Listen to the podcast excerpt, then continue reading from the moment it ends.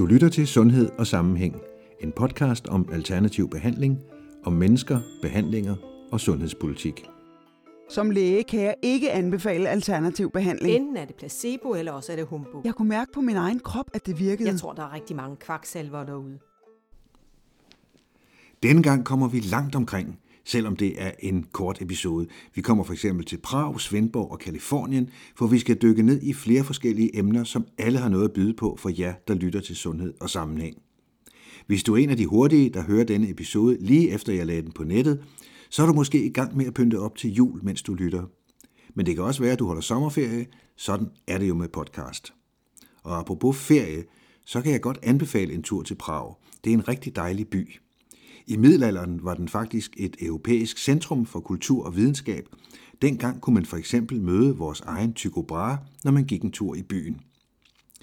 Ja, nå, det er jo ikke en rejsepodcast, men da jeg var dernede, så deltog jeg blandt andet i en konference om alternativ eller komplementær behandling. Og her fik jeg snakket med nogle spændende mennesker, og en af dem er Baswati Bhattacharya. Ja, det var ikke helt korrekt indisk. Men hun er forsker og læge, både uddannet som vi kender det, og som ayurvedisk læge, det vil sige den gamle indiske tradition. Hun arbejder i dag både i New York og i Indien, og her taler hun om et forsøg med brug af homeopati mod børnesygdomme – og jeg opsummerer selvfølgelig bagefter på dansk. Another example is Dr. Jennifer Jacobs did a whole series of very good randomized clinical trials that were pre-checked by evidence-based methodology experts. And she showed in childhood various diseases. Um, she used homeopathy and found that it was absolutely superior to anything in modern medicine. And she published those studies. So people said, wow, see, homeopathy works. Here's the evidence. But then there was a comment made in one of the journals that said, until you can show us a mechanism of action that we believe in, we do not accept homeopathy, which says that low, lower doses will give uh, high effects. So, therefore, by that rule, um, it is impossible that it will work. And so they were um, they were cancelled out from being con- being considered as actual evidence, which was amazing to me because it just showed that here are people talking about bias who are exhibiting their bias, just like the people who came from Europe to America to have religious freedom, but then they persecuted anyone that believed in any kind of religion that they didn't believe in you know, in America, where those same people had faced difficulty. So there's a kind of hypocrisy that happens by certain people who want to wield power, and it's not about that search for truth that we said earlier.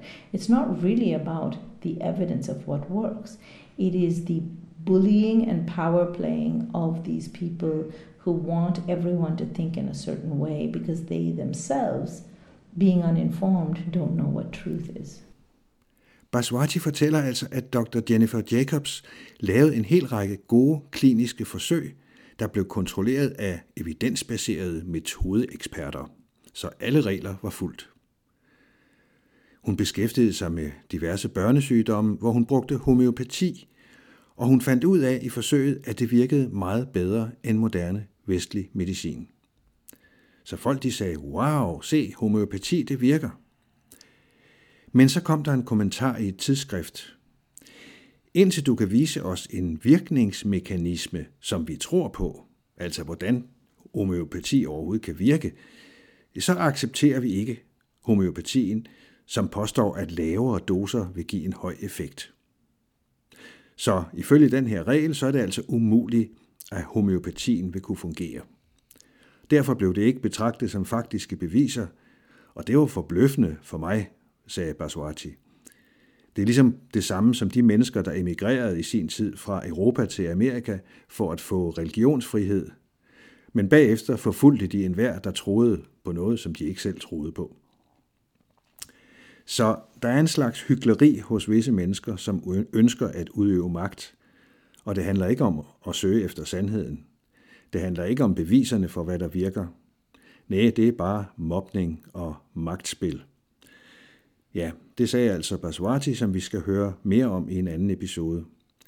En klog og spændende person, Og som sagt, da fire af os en aften gik rundt i byen, så fandt jeg ud af, at hun og jeg også havde noget helt andet til fælles. Det der med, at vi elsker Magnum Is. Her i Danmark har jeg opdaget noget spændende, som jeg aldrig har hørt om før. Hydrogenterapi. Så da jeg var i Svendborg, så lagde jeg vejen forbi Hanne Maria Tarp, som er zoneterapeut, for at undersøge, hvad det var for noget. Og hun kunne blandt andet fortælle om overraskende resultater med hydrogenterapi. Jamen, jeg har også en, øh, en klient, som øh, der lider eller har døjet meget med allergi og astma og øh, ledsmerter. Noget gigt af en art. Øh, hendes allergi var faktisk så voldsom, så at når naboen slog græs, så var hun nødt til at gå indenfor og lukke vinduerne. Puha. Og øh, så har hun fået hydrogenterapi, og hun har altså både inhaleret og også drukket vandet.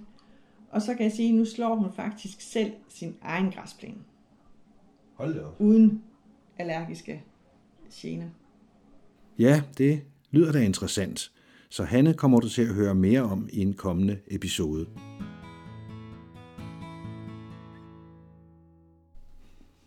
I overvis har både alternative behandlere og en række læger og forskere argumenteret for, at staten skal oprette et center for forskning og formidling af komplementær behandling. Og selvfølgelig af hensyn til vores allesammens sundhed. Men indtil nu har diverse regeringer afvist ideen, blandt andet fordi nogle politikere mener, at vi bare kan bruge forskningen fra andre lande. Det er godt, de ikke bruger den kurs, når det for eksempel gælder, gælder miljø eller landbrug eller energi, der skal forskes i. Men i 2022 begyndte der så småt at ske noget. Der var tre organisationer fra det etablerede sundhedsvæsen, som inviterer de alternative med i en arbejdsgruppe, og den skal udarbejde en model for et kommende center. Og det er de lægevidenskabelige selskaber, Danske Patienter og Lægeforeningen, og de alternativs organisationer, nemlig Rapforum, Sundhedsrådet og Landsorganisationen Natursundhedsrådet. Øh, deres arbejdsgruppe har her i 2023 haft to online-møder, hvor man har diskuteret forskellige versioner af det her videnscenter. Der er den fulde version med vidensformidling, rådgivning og forskning, og så er der en Pixie-udgave med kun vidensformidling. Og selvfølgelig har man også diskuteret finansieringen af centret, det er klart. Men vi ved ikke rigtig noget, for indtil videre holder den her gruppe kortene tæt til kroppen, og nu er der gået et år, så man ikke vil høre fra dem i 2024. Når jeg siger noget om et center i en episode her, som du måske først hører om nogle måneder, er, så er det fordi, det er noget, man har talt om i rigtig mange år, uden at der er sket noget som helst. Så derfor er det næppe forældet, når du hører det. Men alligevel så håber jeg naturligvis, at jeg tager fejl, at der er sket en masse i 2024.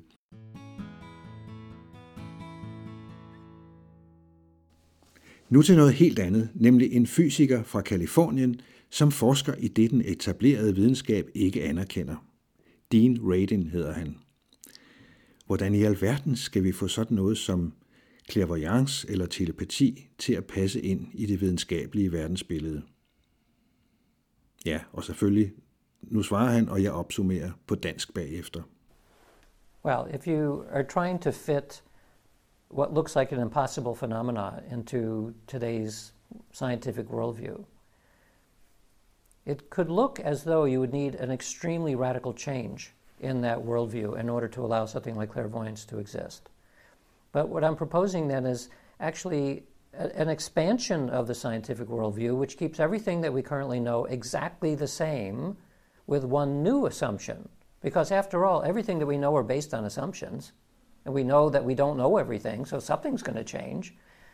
So the, the change I would propose is as more and more scientists are beginning to entertain, at least the notion of panpsychism. And these are scientists who are wondering about what, what is this strange quality of this inner experience that we have? How could inner experience, which seems to be non physical, doesn't have a physical measurement to it, how does that come about out of the physical brain? So this is a problem that, that neuroscientists and everyone else has. The neuroscientists assume that the correlations between inner experience and brain activity, that that correlation, which is there, is actually causation. from the brain to create consciousness. Well, that's an assumption. Maybe it's the other way around. Maybe consciousness creates the brain in some way. So that's, that's a radical switch in a sense, but in another sense, it really isn't. Because the assumption that brain gives rise to consciousness is that it is an assumption. So, since we know that assumptions are always subject to being questioned, let's play with that a little bit and then and look back at, at this very long history of the possibility that everything is sentient to some degree. That's basically what panpsychism says. Or even take a, a larger step and say that the only thing that anyone will ever know is due to your awareness, which makes consciousness fundamental. Everything. Like you, if we did not, if we were not aware of anything, by definition, we wouldn't be aware of anything. There'd be no science, there'd be no nothing, anything. So, you entertain the idea that consciousness is fundamental. That means that it is prior in some way to the physical world, which in turn means that it is prior to our concepts of space and time.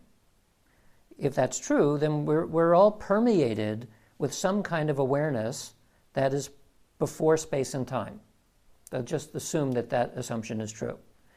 We also then assume that somehow that stuff turns into the physical world, and that turns into chemistry and biology and so on. So all, all the rest of the world as we see it is still perfectly fine except it all has some kind of awareness filtered through the whole thing. We enjoy awareness of a certain kind because our brain and body are particularly suited for that.